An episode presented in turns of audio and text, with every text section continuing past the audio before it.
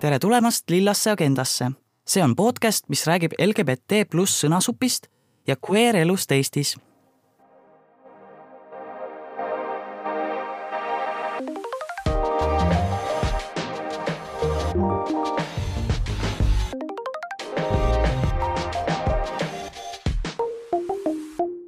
tere kõigile kuulajatele äh,. oleme jälle Lillas agendas ja täna tuleb väga huvitav saade enne seda, äh, kui saatesse sukeldume, räägiksin natuke rahast, millest keegi rääkida ei taha.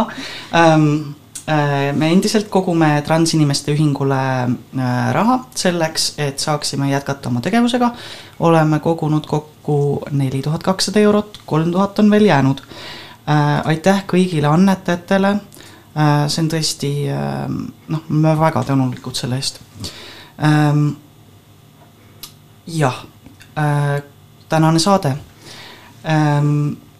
käisin äh, eelmine kuu lõpp, oktoobri lõpp äh, konverentsil ja see oli LGBTQI pluss tervisevõrdsuse teemal äh,. see on, ma ütleks, selline esmakordne konverents Eestis, et see väga äge asi ähm,. ja, ja seal kohtusin selliste toredate inimestega Triinu Ojalo, äh, Heda Lippus Metsaotsa ja Eeva Kuplimetsaga. Eevaga ma ei tutvunud, olen varem tutvunud, aga teistega tutvusin konverentsil ja konverentsiks valmistudes. ja seal muuhulgas rääkisime ka vaimsest tervisest. ja siis tuli selline mõte, et kuna see konverents oli suunatud rohkem tervise, tervishoiutöötajatele, siis võiks rääkida ka kogukonnale vaimsest tervisest kogukonnas et ähm, ja nagu see tundus ülihea mõte, sest me oleme ammu tahtnud Melli ka, äh, et meil oleks saates mõni psühholoog või arst ja siis äh, see oli lihtsalt nagu imeline kokkusattumus. Ähm, ja nii ongi, et äh, ma lasen siis külalistel iseennast tutvustada veidi pikemalt. Ähm, tere kõigile. tere, tere.. Eva, kas sa tahad alustada? Äh, mina olen Eeva Koplimets ja ma olen Eesti LGBT Ühingus koostöö koordinaator. aga siin äh, täna äh, seetõttu, et äh, mina juhin meie nõust- äh,, kogemusnõustajate gruppi ja kogu seda koge-, kogemusnõustamise teemat. väga cool. tere, mina olen Triinu Ojala, kliiniline psühholoog ja dialektilise käitumisteraapia terapeut, töötan põhiliselt äh, haiglas noortega ja üheks minu erihuviks ongi siis äh, vähemusgrupid ja vaimne tervis. ja olen ennast korralikult täiendanud siis just transsooliste noorukite äh, toetamisel, nõustamisel ja plaanin seda ka edasi teha. aitäh ja Heda! tere, mina olen siis Heda Lippus Metsaots mina olen arst, resident psühhiaatri erialal ja lisaks ma olen õppinud ka seksuaalnõustamist ja tegelen hetkel siis selle, selle valdkonnaga ka. ja siis võib-olla mainin veel ära, et, et tegin oma doktoritöö, kus ma siis käsitlesin isikutevahelist vägivalda, mis mõnes mõttes ka mm, tänase teemaga nagu äh, läheb kokku. jah võib-olla kõigepealt küsikski, et äh, kus teil üldse tekkis huvi äh, LGBT pluss inimestega töötamise vastu äh,? kuidas see alguse sai äh,? jah, tahaks rohkem selle kohta teada, äkki Heda seda alustada? ja ma mõtlesin äh, tegelikult sellele, et kustkohast see alguse sai ja just äh, see äh, huvi ka transsooliste inimestega töötamisega. ja see mul alguses ei tulnud üldse meelde ja siis mul järsku nagu plahvatas, et see oli väga veider selline juhtum, et, et mul kolleegid teadsid, et äh, ma olen huvitatud äh, seksuaalsusest ja seksuaalnõustamisest ja kogu sellest valdkonnast. ja siis äh, mind kutsuti esinema ühele kollektiivile ja siis nad spetsiaalselt palusid, et ma tuleksin, räägiksin nendele just sellest, et kuidas psühholoogid ja psühhiaatrid saaksid oma töös paremini toetada transsoolisi inimesi mm. -hmm. ja kuna ma selle ajani, see oli nüüd aastaid tagasi juba, ma olin tegelikult selle teemaga pigem vähem tegelenud, siis ma arvan, et ma selleks ettekandeks valmistusin intensiivselt vähemalt kuu aega. et ma tõesti tunneksin ennast kindlalt sel teemal rääkides ja siis alates sellest ajast on see lihtsalt nagu jätkunud, see selle teemaga ennast kursis hoidmine? Minul on vist see, ma arvan, et üks põhjus, miks huvi süvenes või kust see alguse sai, oli see, et kui ma läksin haiglasse tööle, siis kohe minu kõige esimene patsient, kes mulle määrati, siis kuskil kolmandal-neljandal kohtumisel, kui see usaldus oli juba tekkinud, ütles mulle, et ma olen transsooline ja ta ei olnud seda mitte kellelegi varem öelnud, nii et ma olin korraga sellises olukorras, kus samamoodi nagu Heda ma ei olnud väga palju, ütleme nii, et meie õppekava ei kuulunud selline väga põhjalik ülevaade või käsitlus, kus ma pidin lihtsalt selleks, et saada oma kallist patsienti aidata, ma pidin lihtsalt hakkama tegelema, lugema, harima ennast. ja, ja siis veel üks võib-olla selline huvitav flashback tekkis ka, et kui kui patsient ütles mulle, siis mul tuli äkki meelde ka üks lugu oma lapsepõlvest, et äh, mis võib-olla oligi noh, ilmselt ta ei olnud päris ununenud, aga ei olnud kuidagi esiplaanil. et äh, kasvasin üles siis kaheksakümnendatel, kus teada noh, me kõik teame, et sel ajal me väga palju selliseid inimesi meie ühiskonnas ei näinud, see oli kõik kuidagi varjatud aga minu, ma olen Nõmmelt pärit, et seal meil lähipiirkonnas elas üks äh, transsooline naisterahvas. ja no tol ajal ka väga palju ei olnud mingit nutiseadmetes, et lapsed ikka hängisid õues ja kampades. ja mäletan ühte olukorda, kus naisterahvas tuli, äh, poe, poekott oli käe otsas ja siis mingi kamp poisse, keda me ka teadsime muidugi, hakkasid narrima, kiskusid talt selle kilekoti käest, nii et tal kukkusid kõik need toiduained sinna maha ja siis ma mäletan väga hästi seda hetke, et äh, need poisid jooksid ära ja siis mina, mu õde korjasime, siis aitasime neid asju kokku korjata ja ma mäletan siiamaani seda pilku, millega see naine meid vaatas, et äh, see kuidagi tuli flashback'ina tagasi ja ilmselt veel lisas sellist emotsionaalset nagu seost või seda, et, et see on see asi, millega ma tahan tegeleda, sest ma märkasin ka seda, et seda teadlikkust on tõesti äärmiselt vähe. ja võib-olla ka valmisolekut siis tegeleda mm. -hmm. jaa ma ei tea, transinimesena ma võin öelda, et mul nagu nii tore kuulda neid lugusid, kus on nagu tervishoiutöötajad, kes äh, on läinud nagu rohkem süvitsi selle teemaga ja nagu tahavad nagu aidata.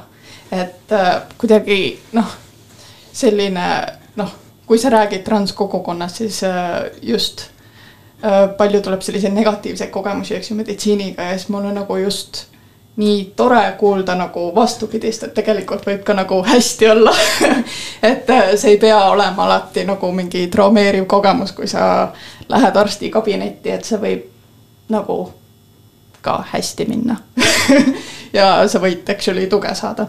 et mul on nagu nii tore kuulda neid äh, lugusid. aga Eva, äkki sa tahad ka jagada, kuidas sa jõudsid kogemusnõustamiseni? Kogemusnõustamise ja selle teemani ma jõudsingi ikkagi läbi LGBT ühingu. et äh, ma olen ise sotsiaaltööd õppinud ja meil ka õppekavas äh, sellist teemat üldse ei olnud. Äh, et see LGBT teema tuli lihtsalt eluga kaasa ja, ja ühingu tööga kaasa et äh, kuna ma olen sotsiaaltöö haridusega ja, ja varasemalt ka mingeid nõustamisi teinud, et siis äh, see nõustamise pool tuli nagu loomulikult äh, minu juurde. ja tegelikult me unustasime ühe küsimuse, mida me alati üritame küsida oma saatekülalistelt, et et ärme siis täna ka seda unusta, et, et kuidas sa ennast määratled, Eeva, sina oled meil saates küll käinud, aga sa võid uuesti ja mina olen sissooline bi-naine mm. -hmm. mina olen äh, samuti paiksooline ja heteronaine. ja mina olen äh, samuti paiksooline ja panseksuaalne. aitäh teile. seda siit nagu jätkates ma mõtlen, et, et et me rääkisime seal konverentsil äh, kõigepealt sellest, et milline on vaimse tervise olukord Eestis äh, LGBT pluss inimeste seas. et äh, ma nüüd kasutan sõna LGBT pluss, sellepärast et ma, konverentsi pealkiri oli küll LGBTQI pluss, aga ma olen laisk ja palun, kuulajad, andke mulle andeks ähm, et lühidalt, et milline, mis, mida me teame üldse LGBT pluss inimeste vaimse tervise kohta. Ma arvan, et see oli ka üks asi, mida seal konverentsil räägiti, et tegelikult me ei teagi midagi. et see, need teadmised kõik pärinevad tegelikult lihtsalt puhtalt isiklikul äh, kogemusel, mida me oleme kliinilises töös näinud. Ja, ja see on ka üks suur probleem tegelikult, et see tähendab, et meil pole sellist adekvaatset ülevaadet, et alati, kui on selline kellegi kogemuse põhjal tehtud üldistus, siis see võib olla väga vale. Äh, ja et selleks, et meil oleks tegelikult äh, adekvaatne ülevaade, meil oleks hädasti vaja selliseid äh, suuremaid uuringuid, mille me saaksime tegelikult siis põhineda oma ülejäänud otsustes, et, et ka seda, et kas näiteks oleks tarvis mingeid spetsiaalseid tervishoiuteenuseid ja kuhu neid rohkem suunata, kindlasti rohkem ressursse, et saaks sinna suunata, selleks oleks tarvis ka näidata ära, et on selline suurem vajadus, sest paraku seda me ju teame teiste riikide uuringute põhjal, et äh, enamasti tegelikult oleks vaja sellist äh, spetsialiseerunud tuge rohkem. jah, et tõesti kahjuks äh, Eestis meil seda süstemaatiliselt või noh, tegelikult üldse ei ole uuritud. aga see, mis me tõesti välisuuringutest teame, on ju tõesti päris hirmutav, et kui võtta kas või näiteks suitsidaalsuse või suitsiidi näitajad, siis see on kuskil keskmiselt selline neli kuni üheksa korda erinevates suuremates uuringutes kõrgem ja ka sageli siis meeleolu, äh, ärevushäired, söömishäired äh, ja mitmed muud ka veel, et äh, mis on tõesti nagu see levimus on suurem ja mõnes mõttes ka üsna arusaadav, et, et, et ka see vähemusstressi mudel tegelikult selgitab, et mis need seosed selle, sellega on. ja ma võib-olla küsikski siit nagu edasi, et nagu kui te olete töötanud nagu tervishoiusüsteemis, et milliseid hoiakuid te olete täheldanud või kuidas te olete tundnud, et nagu on Eesti ühiskonnas nagu suhtumine äh, justkui nagu näiteks noh, LGBT patsient tuleb kabinetti, et nagu mida ta võib oodata äh, võib-olla selles suhtes tervishoiusüsteem on suur ja lai mm. ja me peame natuke arvestama, et seal on hästi erinevad inimesed, et siis nii-öelda valvelauatädist kuni kuni siis arstideni, psühholoogideni näiteks, kui me räägime vai-, äh, psühhiaatriahaiglast või, või keskusest, et siis seal on tõesti erinevas vanuses, erinevate vaadetega, erinevad, erinevate teadmiste, erinevate õppeprogrammide pealt tulnud inimesed, et mm, et mis ma tahaks üldiselt öelda, mida ma ikkagi sellise laiema hoiakuna märkan, siis kõik, kes töötavad sellises valdkonnas, üldiselt tahavad äh, inimesi aidata, toetada. Äh, küll aga, mida ma olen jällegi märganud, on see, et sellist nagu teadlikkust on päris vähe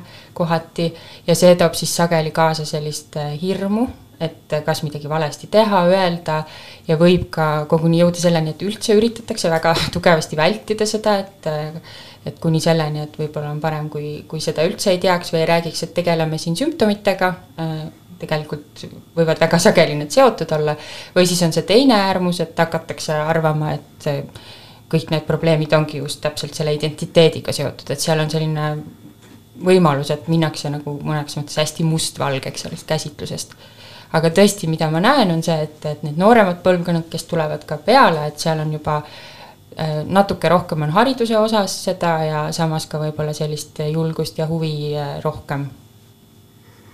jah, et ma ütleks ka, et äh, siin on tõesti üsna suur põlvkondade vaheline erinevus ja tulen jälle selle Praxise uuringu juurde, mis seda väidet toetab ka, et see pole meie selline negatiivne hoiak lihtsalt äh, äh, vanema põlvkonna suhtes, vaid paraku seda nüüd nagu on adekvaatselt nagu näidatud ka. Äh, et tõepoolest vanema põlvkonna hulgas on rohkem negatiivseid hoiakuid ja eelarvamusi ja noh, paraku mõnes mõttes seletab seda see, mida sa enne mainisid ka, Triinu, et nõukogude ajal seda osa ühiskonnast ei nähtud, seda nagu ei olnud olemas. see tähendab seda, et, äh, et suur osa sellest vanemast generatsioonist on töötanud väga kaua tingimustes, äh, kus neid inimesi ei olnud üldse näha ja ilmselt selline harjumine vanema põlvkonna jaoks on, on raskem kui võib-olla nooremate inimeste jaoks, kes on mõnes mõttes kasvanud, kasvanud üles sellega, et me näeme enda ümber palju rohkem inimeste mitmekesisust ja aktsepteerime seda.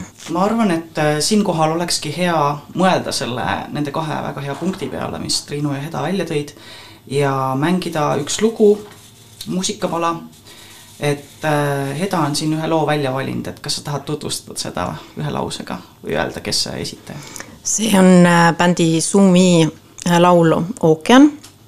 Ähm, ma võin ka öelda, et ma sain selle bändiga tuttavaks tänu teie podcast'ile ja pärast seda, nagu ma siin eelnevalt juba mainisin, et ma arvan, et umbes pooled Spotify selle loo kuulamised kuuluvad mulle no lisame juurde siis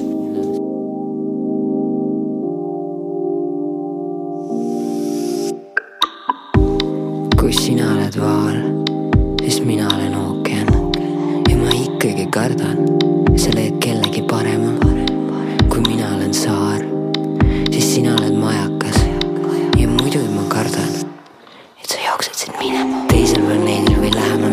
ma seisan ikka siin, ma ei viitsi väga mujale, aga sina võid minna, sina võid minna seenele, marjule ja metsa ja ratsa ja leida neid, kes on sinu jaoks piisavad, ujuda neis, kes on paremad kui ookean, tunda neid, kes on rohkem kui mina, sest mu hirm on tappa, lähe kunagi ära.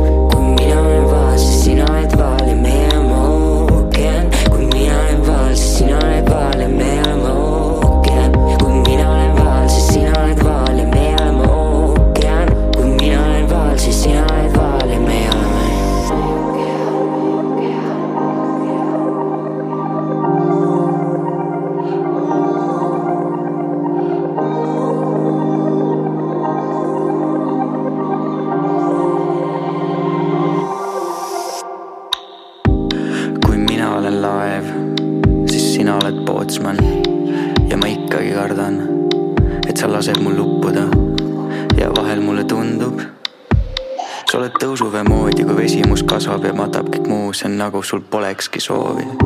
tähine öö, kui kõrvu meil kajab südamelaine, annan su suule esimese, teise ja kolmandaga, kas vastuseks saan ehk loota su truule.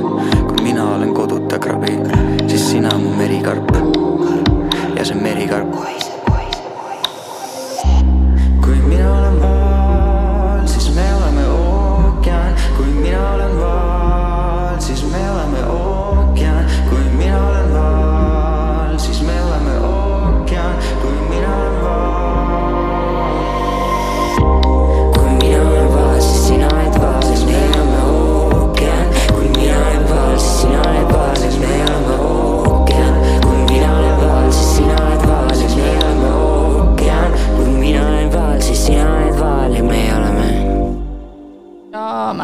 Tagasi Ida raadio lainel.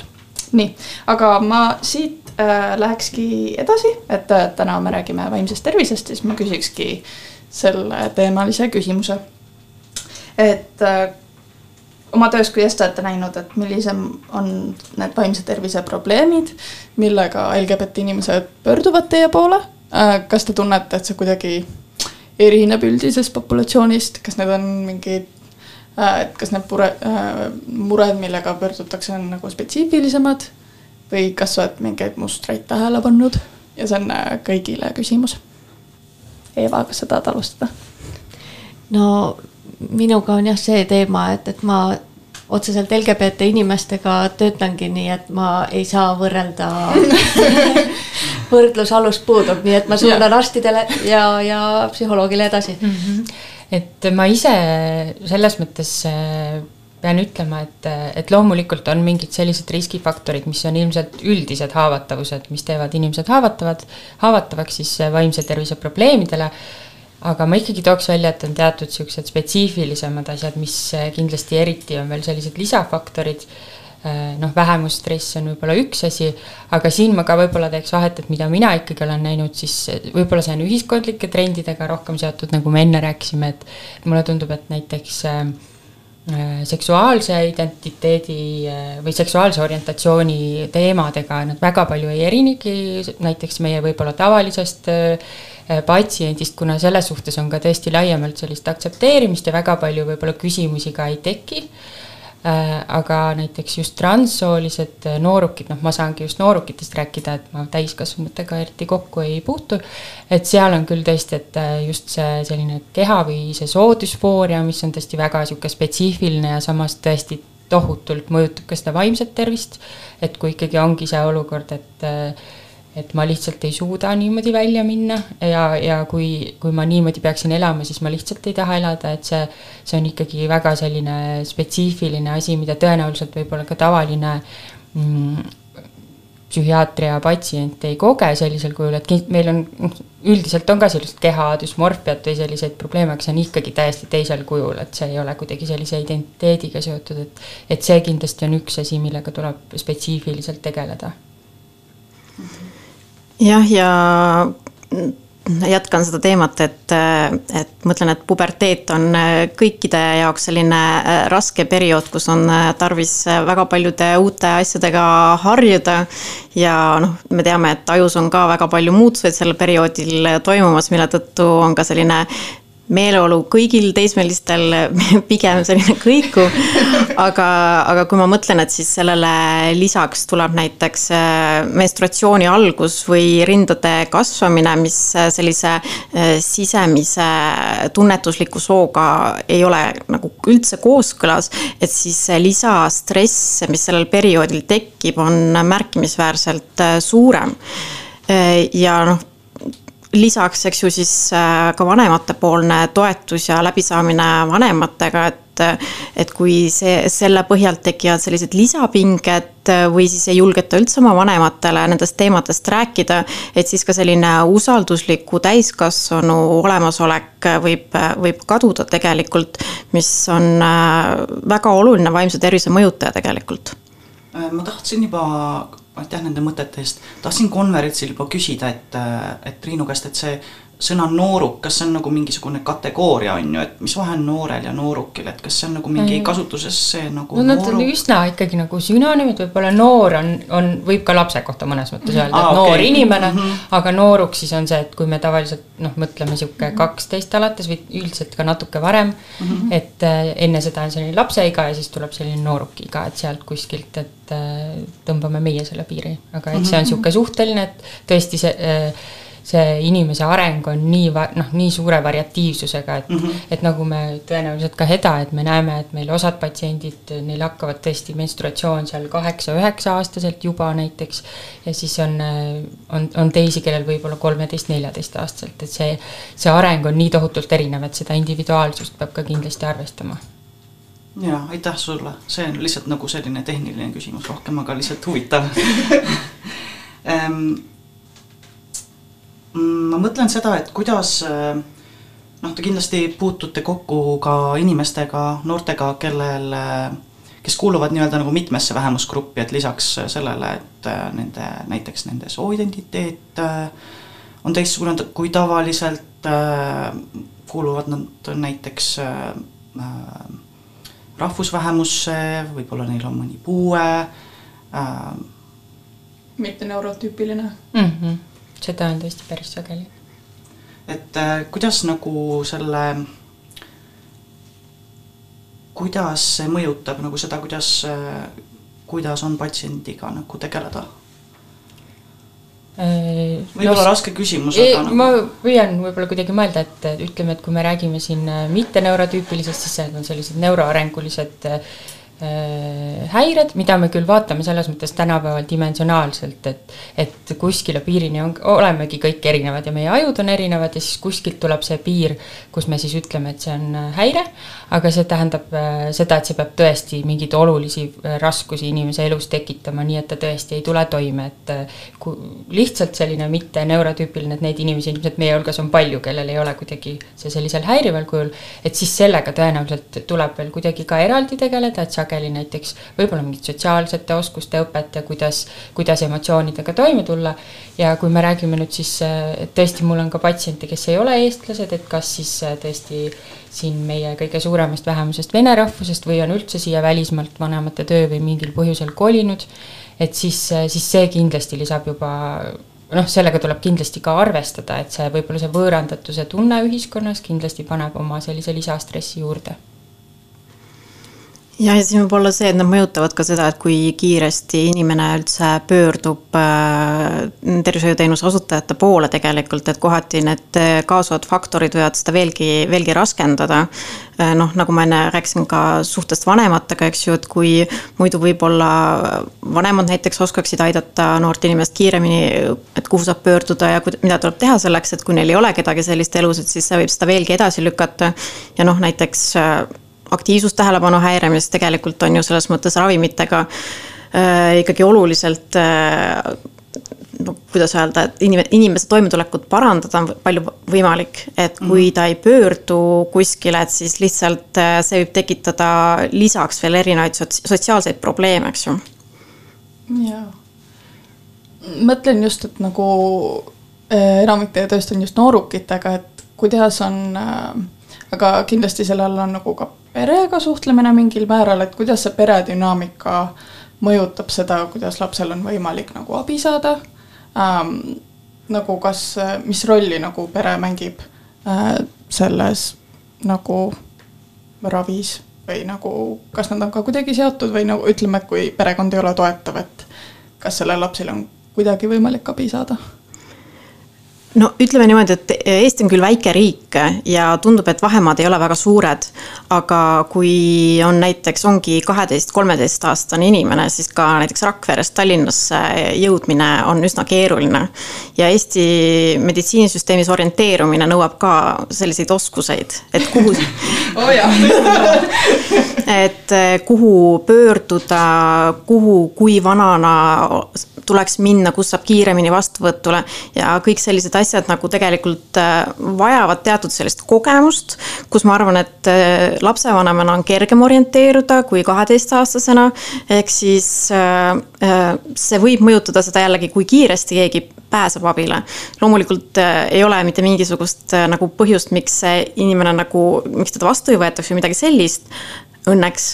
aga just see, et see võib olla oluliselt raskendatud ja, ja kui nüüd rääkida võib-olla sellisest äh, juba, kui nad jõuavad siis meie juurde mhm. sellest käsitlusest või tööst, siis äh, töö siis äh, noorukitega on ikkagi väga suurel määral on ikkagi pere peab olema väga kaasatud, et me peame arvestama, et nad veel ei saa ise valida, mis nad täpselt teha tahavad ja see keskkond mõjutab tohutult palju, et kui me seal võtame ainult äh, lapse või noore ette ja vuhvime ta üles, et siis tegelikult ta läheb sinna keskkonda tagasi ja kõik see hakkab jälle vastu töötama, et et meie ikkagi kutsume ka vanemad, kaasame neid, et loomulikult noh, ütleme, kui ma psühholoogi tööst räägin, siis see konfidentsiaalsus äh, on ka ikkagi lapsel ja noorukil.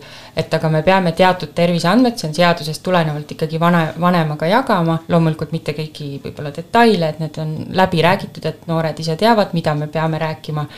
Äh, noh, on teatud tingimused ka seadustes, äh, mida kindlasti tuleb näiteks sellised traumaatilised kogemused või väärkohtlemised.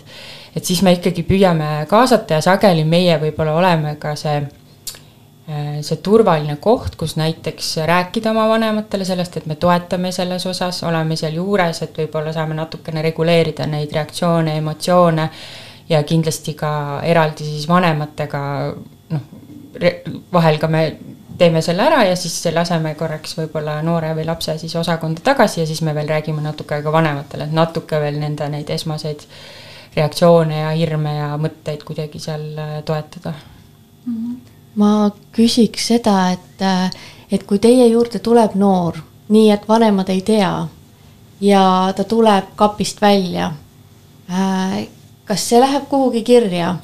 Äh, sellega on niimoodi, et mm, kui see on niimoodi, siis me alati räägime läbi selle noore või lapsega selle teema, et äh, kui, kui ta, kui ta ei soovi seda esialgu, ta ei ole valmis, et siis see selles mõttes kuskile süsteemidesse kirja ei lähe et meie ei ole need inimesed, kes hakkavad kedagi aut-, kapist välja mm -hmm. tirima, et see ei ole absoluutselt kohane mm. -hmm. et inimene peab seda tegema omas rütmis, loomulikult me saame toetada, kui ta ise avaldab soovi.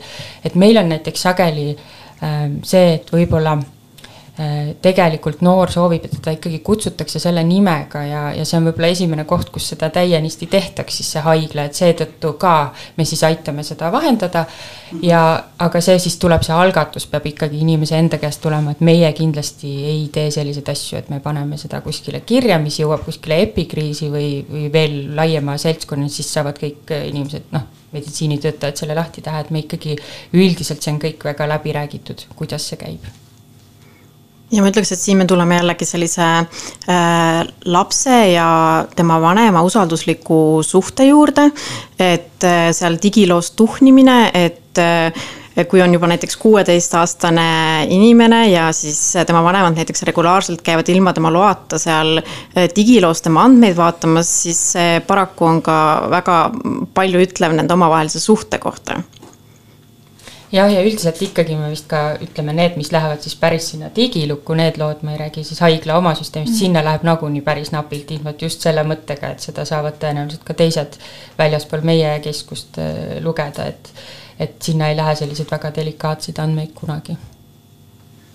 me kahjuks ühingus oleme kuulnud lugusid, kus äh, kus on spetsialiste usaldatud ja, ja spetsialistid on äh, seda usaldust kuritarvitanud, et äh,, et hea meel kuulda, et äh,, et seda on kohti vähemalt, kus seda peetakse oluliseks ja tundub, et enamasti ikkagi peetakse, et need on üksikud, üksikud juhtumid. aga seda noh, need on väga valusad juhtumid kuulda, et sa oled usaldanud spetsialisti ja, ja ta on rääkinud sellest, et sa ei julge oma perele rääkida, sul on põhjused, miks sa ei julge rääkida. ja siis spetsialist on ikkagi otsustanud iseseisvalt, et, äh, et tema räägib perekonnale. hästi väga, väga kahju kuulda, et uh võib-olla küsiks natuke selle kogemusnõustamise kohta ka nüüd, et kui on mõni vanem näiteks kuulab, et nagu kuhu ta saab äh, pöörduda, kus ta saab nagu abi Ähm, ma tean, et kogemusnõustajate grupp on LGBT, äh, ehk kogemusnõustajad on LGBT ühingus, samuti on trans inimeste vanemate tugigrupp, eks saad rohkem rääkida sellest mm? -hmm. ja Eesti LGBT Ühingu äh, kodulehelt saab leida kontakti all. Äh, on olemas meie kogemusnõustajate kohta mõned faktid ja, ja nende kontakt ja neile saab otse kirjutada Äh, vaadata siis äh, vastavalt identiteedile ja võib-olla vanusele, et, äh, et kelle poole pöörduda, seal on olemas ka keeled, mida kogemusnõustajad räägivad. et sealt saab endale leida sobiva kogemusnõustaja. ja kord kuus siis on meie keskuses kohtumas transinimeste tugigrupp, mida veavad Paul ja Mell ja, ja siis äh, transinimeste vanemate tugi, tugigrupp, mida vean mina. ja kõikidesse gruppidesse on inimesed väga oodatud.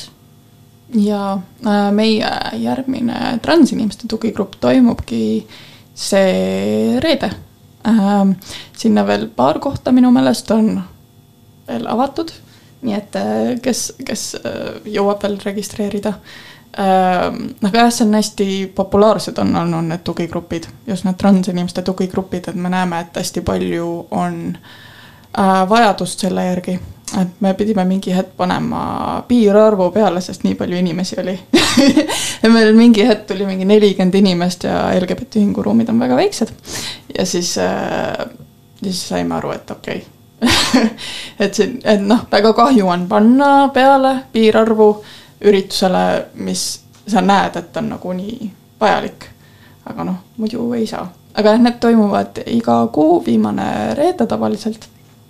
ja info selle kohta on olemas. no seekord ei ole viimane reede, et on äh, viimane reede, aga jaa ähm, ma veel tahtsin enne, enne kui me läksime selle kogemusnõustamise teema peale öelda, et jaa, et see on nagu äh, Mel juba enne ütles ka ja ma olen varem ka öelnud seda, et see on tõesti nagu imeline kuulda seda, et on nagu kliiniline psühholoog ja arst-resident, kes on nagu tõesti saavad, nagu ma saan aru teie jutust, te saate nagu noh, nii palju, kui saab aru saada sellest, mis tunne on olla nagu äh, LGBT pluss inimene või nagu transinimene. et äh, ja mis need äh,, mis need raskused on ja see, kuidas, kuidas te rääkisite sellest, et kuidas äh, pere kaasata ja kuidas nagu austada selle mm, no noh, noortest rääkisime, noore äh, autonoomsust ja õigust nagu otsustada seda, et millal ta tuleb kapist välja ja ja mis infot jagada, et seda on nagu tõesti väga hea kuulda ähm,. kas muidu ähm, äh, kui on inimesi, kellel on, kui on noori, kellel on äh, vaimse tervise probleemid, et ku-, kuidas nad, kuhu nad peaksid siis pöörduma kõigepealt või või nagu mida te soovitaksite teha?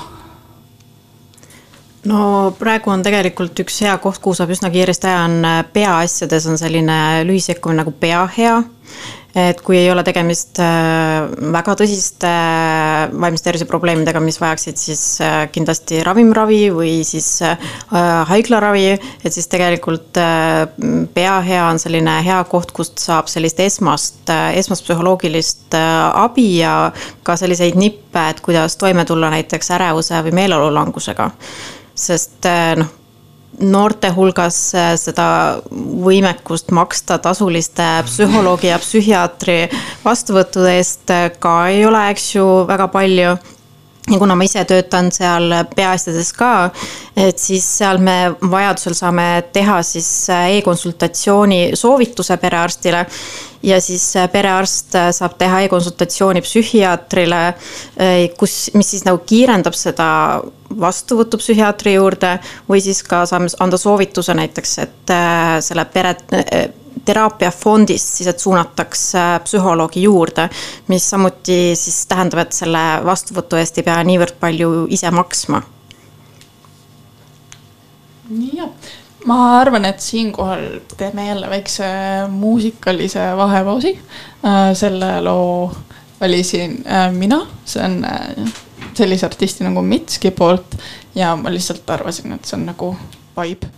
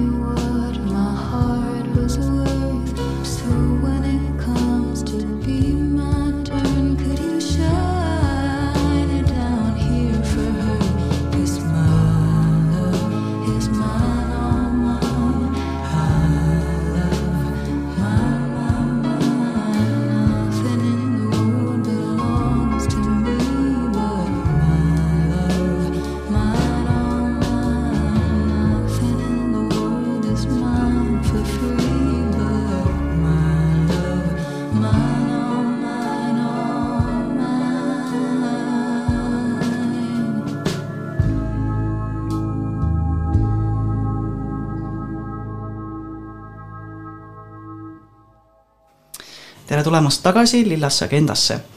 Ähm, me vestleme siin ähm, vaimse tervise teemal endiselt. Ähm, me rääkisime varem sellest, et, et mida saab, mida, kuhu saaks noor pöörduda, mida teha esimeste sammudena, kui ta tunneb, et tal on vaimse tervise probleemid. aga kui me räägime laiemalt, siis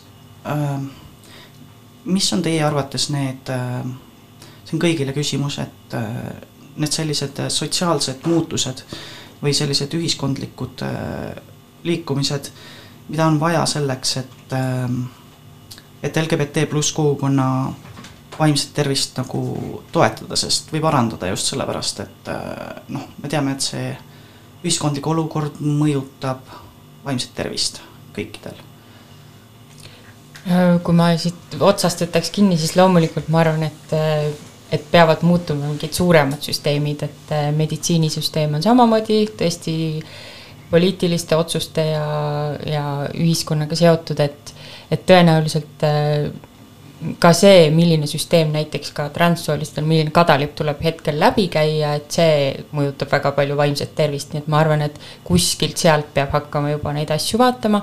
et kui me nüüd võib-olla jõuame lähemale siis sellisele päris äh, meditsiinisüsteemile või vaimsele tervile, tervisele, siis ma arvan, et võib-olla niisugune kõige suurem muutus, mida oleks vaja, oleks see sellise kaasava äh, keskkonna tekitamine, kaasava ja, ja austava keskkonna tekitamine, mis siis tähendab, et äh, me austame inimese äh, sooidentiteeti, seksuaalset identiteeti, see siis tähendab, kutsume teda õige nimega, õige sooga, me muudame oma keskkonna ka selliseks, et juba seesama valvetädi ei, ei hakka küsima, et mis sa siin nüüd räägid, et sul on passis siin midagi muud Äh, võib-olla on seda võimalik ka kuidagi märgistada, nagu me oleme rääkinud, et tõesti see, et, et julgetaks sealt uksest sisse astuda. ja sealt edasi siis, mida ma praegu näen, et on võib-olla üks hästi suur probleem, et meil ei ole selliseid spetsiifilisi äh, sekkumisi või, või et kõik on ikkagi selline üldine psühhiaatria mm -hmm. või üldised mm -hmm. sekkumised, et kus tegelikult ei võeta arvesse seda äh, Äh, neid, neid äh, vajadusi, millest ma enne rääkisin, mis puudutabki näiteks ükskõik, on see soodüsfooria, on see vähemusstress, et äh, meie võib-olla siin oleme sellised, kes on ise selles osas harinud ja pakume seda juurde oma töös, aga tegelikult see, see ei ole kuidagi süste-, süsteemne ja ma tegelikult arvan, et see psühhosotsiaalne pool äh, on ikka äärmiselt oluline, et, et isegi äh, kui inimene ikkagi näiteks ka soolise ülemineku teekonda alustab, ka see tõenäoliselt äh, ei ole, vähemalt nii palju, kui ma olen rääkinud inimestega, ei ole kuidagi lihtne protsess, et kohe siis kõik depressioon kaob või kõik asjad kukuvad. Et ka see on ikkagi väga keeruline, iga, iga nagu igasugune uus asi kohaneda, et need muutused, mis kehast tulevad, kõik see, et see ei ole kuidagi lihtne.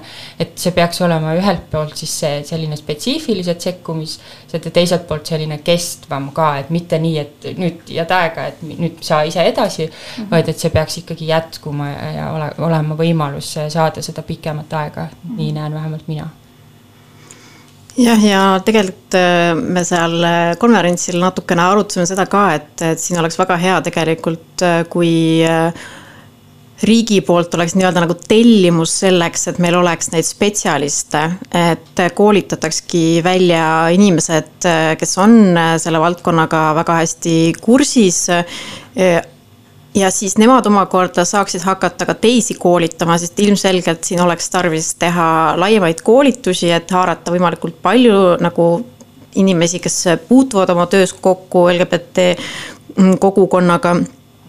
Aga jah, et paraku praegu see siin on natukene selline, et igaüks ise õpib ja vaatab, kus ta saab ennast koolitada pole sellist nagu süsteemset lähenemist tegelikult. ja, või mingit sellist standardit või nagu. jah, ja see on, nagu me seal konverentsil ka rääkisime, et see on natukene selline kulukas erahuvi või ja. et meie oleme ka seda teinud enam-vähem nagu oma vabast ajast, oma äh, huvist, et osaliselt on ka võib-olla töökoht toetanud, aga ikkagi, et see võtab sellist lisaaega, et lisaks nagu ma pean ka kursis olema, kuidas võib-olla tegeleda ma ei tea, isiksushäirete või depressiooniga ja muidugi kuna psühhiaatria ju tegelikult ütleme, et me ei saa öelda, et see on kuidagi häire häire, eks ole, et see on ikkagi nagu normi osa, siis ta ka natuke kipub seda võib-olla välja lükkama sealt, et mm, -hmm. et seda, see, seda teemat, et tegeleme siis konkreetselt nende häiretega. Ja samal ajal see tihti on seotud, nagu me ka enne rääkisime, et sellega peab olema kursis ja suutma seda niimoodi kontseptualiseerida, et et võib-olla tulebki välja, et ei ole, aga kui on, et kuidas siis käsitleda neid konkreetseid probleeme, mis seal on. Ja selleks tõesti mina näen ka sama, et peab olema riigi poolt see tahe ja, ja tellimus, et teie, kes te olete huvitatud, et et leiame need ressursid ja, ja koolitame teid edasi, et siis saab juba siin tõesti edasi vaadata. aga kas te arvate, mul tuli praegu selline küsimus pähe, et kas te arvate, et on inimesi, kes on huvitatud sellest teemast, kes tahaksid nagu äh, juurde õppida sellel teemal äh,? kas Mina on küll- arste, kas on äh, psü- kliinilisi psühholooge, kas on äh, äh, nõustajaid, kes iganes mina küll usun, et, et selliseid inimesi on nii psühholoogide kui ka arstide hulgas. et kui pakutaks välja sellised võimalused, et siis ma usun, et need inimesed, kes tegelikult on sellest valdkonnast huvitatud, tuleks ka nagu välja ja näitaks oma huvi välja, et praegust me tegelikult ei tea ka seda, et kui palju meil on tervishoiutöötajate hulgas neid, kes oleksid selle tegelemisest huvitatud jah, et võib-olla puhtalt oma kontaktide ja tutvuste pealt, siis tegelikult ma arvan, et et, et me kõik ju saame aru, et me peaksime neid asju ikkagi paremini teadma ja kindlasti on ka inimesi, kes rohkem veel tunnevad huvi, ükskõik, on see mingi isiklikum põhjus või või midagi muud, aga et tegelikult ma arvan ka, et see, see seltskond oleks täiesti olemas meil, see valmisolek sellega tegeleda ja õppida. Ja et kui laiemalt vaadata, siis eks ju tundub, et Eesti ühiskonnas nagu seksuaalsusega seotud teemad on praegust nagu äh, Nende vastu huvi on nagu tõusmas ja seoses sellega on siis paraku ka tulnud selliseid äh, pseudoteadlaseid äh, välja. et äh, tegelikult oleks ju tore, kui meil oleks laiemalt nagu seksuaalmeditsiiniga tegelevaid eksperte Eestis, kes siis saaksid tõesti tõenduspõhist infot ja ka vajadusel abi anda. et ei oleks alati tarvis kuskile väga kallistele kursustele näiteks minna, sest paraku see, mida need sageli ise hakanud äh, sekseksperdid pakuvad, on ikkagi ka väga kallis, et inimeste käest äh, küsitakse kursuste eest täiesti ulmelisi summasid tegelikult. mm. -hmm. see on huvitav ja see on täiesti huvitav era, et, eraldi teema, et et need koolitused ja nende kvaliteet ja, ja sama on ju tegelikult ka nii-öelda nende libapsühholoogide või selliste Jah. terapeutidega jutumärkideski ise hakanud, et et kes võib-olla nagu äh, ka kuulutavad vahel, et võtan kõiki vastu, aga tegelikult mis, mis teadmised seal taga siis lõpuks on äh, üldiselt vaimsest tervisest, see jääb väga küsitavaks, et et see on juba üks väga suur samm, et olla selline toetav ja aktsepteeriv, aga sellest vahel ei piisa, et sul peab ikka natuke rohkem olema teadmisi, et kuidas käsitleda, toetada nii, et see võiks päriselt töötada ka nagu vaimse tervise probleemide lahendamisel. ja ma tean, ma võin nagu isiklikust kogemusest noh, olles selles äh, tervishoiusüsteemis siis patsientide, patsiendina liikudes ringi, et nagu ma tean, et minu jaoks vähemalt oli see, et üldse abi paluda, oli nagu väga raske samm minu jaoks, sest ma kartsin, et ma saan rohkem traumat selle ähm,, sellepärast, et ma pöördun arsti poole. ja see on nagu kurb. no mul õnneks vedas äh,, siis kui ma kirjutasin neid kirju ähm, nendele erinevatele vaimse terviste keskustele, ma lideraali kirjutasin emaile, otsin transsõbralikku psühholoogi, otsin transsõbralikku psühhiaatrit, aga see on ka nagu väga selline haavatav positsioon, kuidas kirjutada täiesti nagu inimestele, keda sa ei tea. et noh, see on võib-olla nagu see, et noh, ma olen nõus, et nagu kui kuidagi on võimalik indikeerida vaimse tervise spetsialistidele, et hei, ma olen turvaline paik ähm,. siis see juba nagu kindlasti aitab, et praegu on nagu hästi, mul on tunne, et hästi palju on selline nagu informatsioonipuudust. nagu meie poole pöördutakse, ma olen kindlasti kindel, et ka LGBT ühingu poole, et kogu aeg, et nagu kes on transsõbralikud psühholoogid, kes on transsõbralikud psühhiaatrid, kelle poole ma saan pöörduda, et see on vist üks kõige rohkem äh, küsitud äh, küsimus meil. oskad sa kommenteerida, kuidas teil on? Ja meil on ka väga palju seda küsimust ja meil on oma nimekirjad äh, olemas, keda me teame, aga kindlasti on hästi palju inimesi, kellest me ei tea. nii et äh, kui mõni satub kuulama, siis äh, kellel on väga häid kogemusi mõne psühholoogi või psühhiaatriga, andke meile teada, kes need head psühholoogid ja psühhiaatrid on, et me saaksime teistele ka edasi soovitada.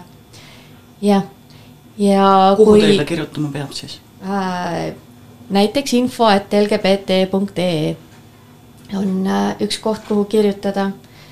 ja jah, täna see, meil on olemas nimekirjad, mida saab sealtsamalt äh,, sama meili pealt küsida. aga, aga need nimekirjad on kahjuks jah, suhteliselt lühikesed ja, ja seal on väga palju äh, spetsialiste, kelle, kes töötavad äh, erafirmades, mis tähendab, et nende teenused on meeletult kallid. sa tead tema juurde minnes, et sa saad äh, hea psühhiaatri juurde, aga samas noh, nii paljudele see on lihtsalt täiesti ulmeline summa ja täiesti kättesaamatu. et äh, see on väga selge probleem ja mina loodan ka väga, et tuleb äh, järjest rohkem seda, et inimesed, äh, psühhi-, psühholoogid, psühhiaatrid ise hakkavad kirjutama juurde äh, enda sellesse kirjeldusse, et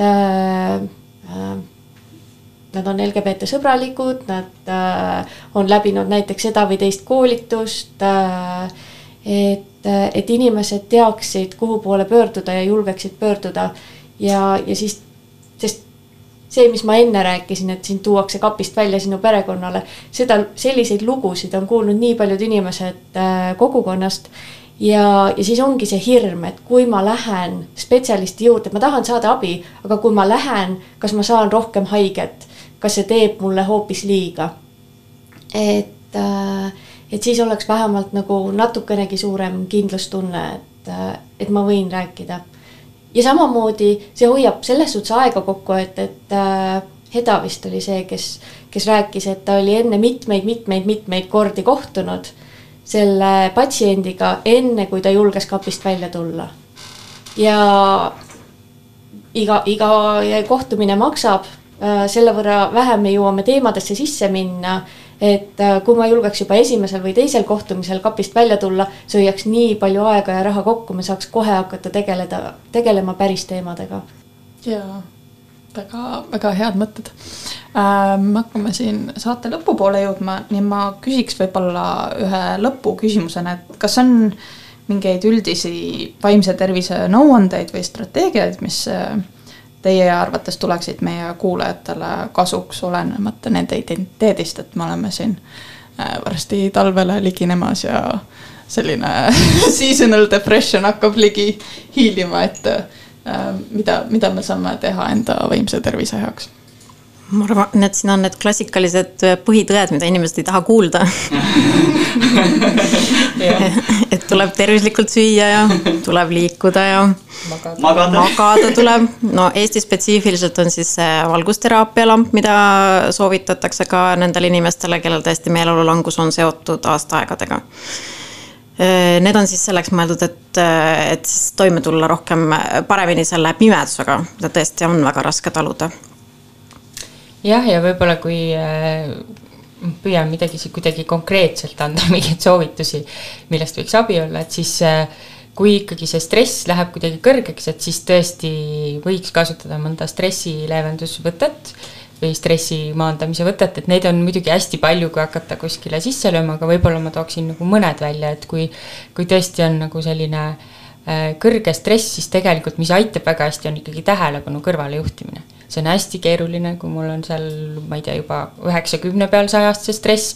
Ja samal ajal tegelikult meie aju on niimoodi loodud, et ta väga sellist nagu mitut liini korraga ei saa hoida, et kui ma ikka käib see mõte peas, mul on nõme, kole ja, ja külm ja hall on, siis, kui ma tegelikult võtan ette, et ma viin oma tähelepanu, näiteks ma hakkan praegu, ma ei tea, Äh, sudokut tegema, on ju, siis mu aju võtab selle konkreetse ülesande, et tal võib see mõte seal taustal käia, aga siis ma toon tagasi jälle selle tähelepanu, tuleb uuesti, ma jälle keskendun sellele tegevusele, et selline tähelepanu kõrvalejuhtimine on tegelikult hästi hea ja seda saab ükskõik mida, kellele meeldib joonistada, äh, sporti teha, kellele meeldib, äh, ma ei tea, sõpradega aega veeta, viia teisele inimesele see tähelepanu, teha midagi kellegi teise heaks, et see on niisugune hästi lihtne võte, et vahel lihtsalt stressiga ununeb ära, et me läheme nii oma pähe kinni, et tegelikult niisugune lihtne võte, et proovige seda tähelepanu kõrvale viia. see tuleb tagasi, meie inimese aju on selline, aga siis uuesti tagasi, et me saame seda juhtida mm. -hmm ja no mina ei ole vaimse tervise spetsialist, aga minu psühholoog on ja tema jagas minuga ühte võtet, mis nagu minu jaoks on kasulik olnud ja ma võib-olla jagan praegu ka.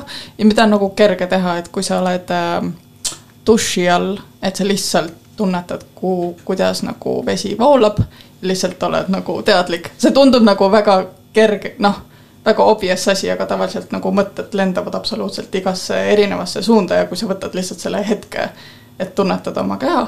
loomulikult, kui sa oled trans ja sul on düsfooria, siis seda on raskem teha. aga, aga noh, väiksed asjad, mis jah, et samas see tegelikult, see vist on nagu ütleme, et see käib niisuguse teadveloleku alla veidi mm, -hmm. et, et mis selle mõte on, et, et tegelikult see ongi see, et ma tuleks paremini siia hetke, et seda mm -hmm. võib ükskõik kuidas teha, et näiteks võin pesta nõusi ja kogeda seda, et kuidas see vesi voolab mm, -hmm. et mhm. tavaliselt me oleme peas siin nõme tüütu, ma pean tegema. kui mm -hmm. ma mhm. tulen siia hetke, et päriselt kogen seda, kuidas kasvõi see iga, kõige igapäevasem rutiinsem tegevus on et äh, mis ma näen, mis ma kuulen, see aitab siia tuua, siis ma ei ole oma peas, et ma ei lähe sinna rattasse, on ju, et selles mõttes see on ka väga hea soovitus, et.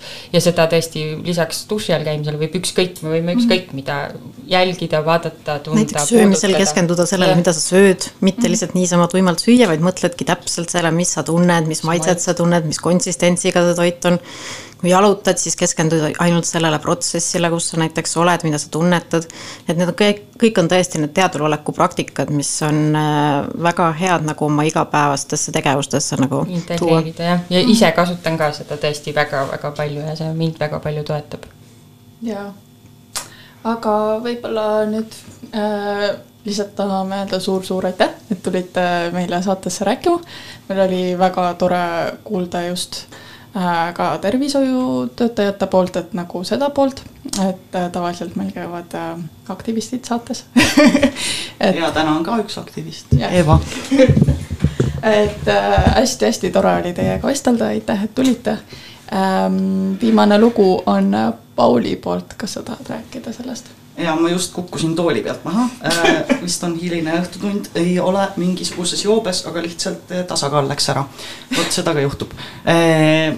jah äh,, ma arvan, et need viimased toredad äh, mõtted, äh, sellised nipid tähelepanu kohale toomiseks on väga head ja kahjuks nüüd minu lugu on veits selline depressiivne, et äh, ma arvan, et see on selline ka koht, kus ennast välja elada, et muusika on äh, selline koht, kus vahel ongi vaja kuulata mida, midagi sellist kurba, et siis äkki see kuidagi emo-, emotsioon tuleb välja.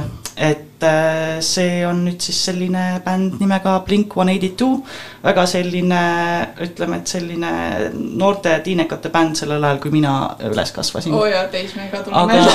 aga äh, nüüd on nad nagu juba sellised keskealised äh, mehed, et huvitav on kuulata seda võrdlust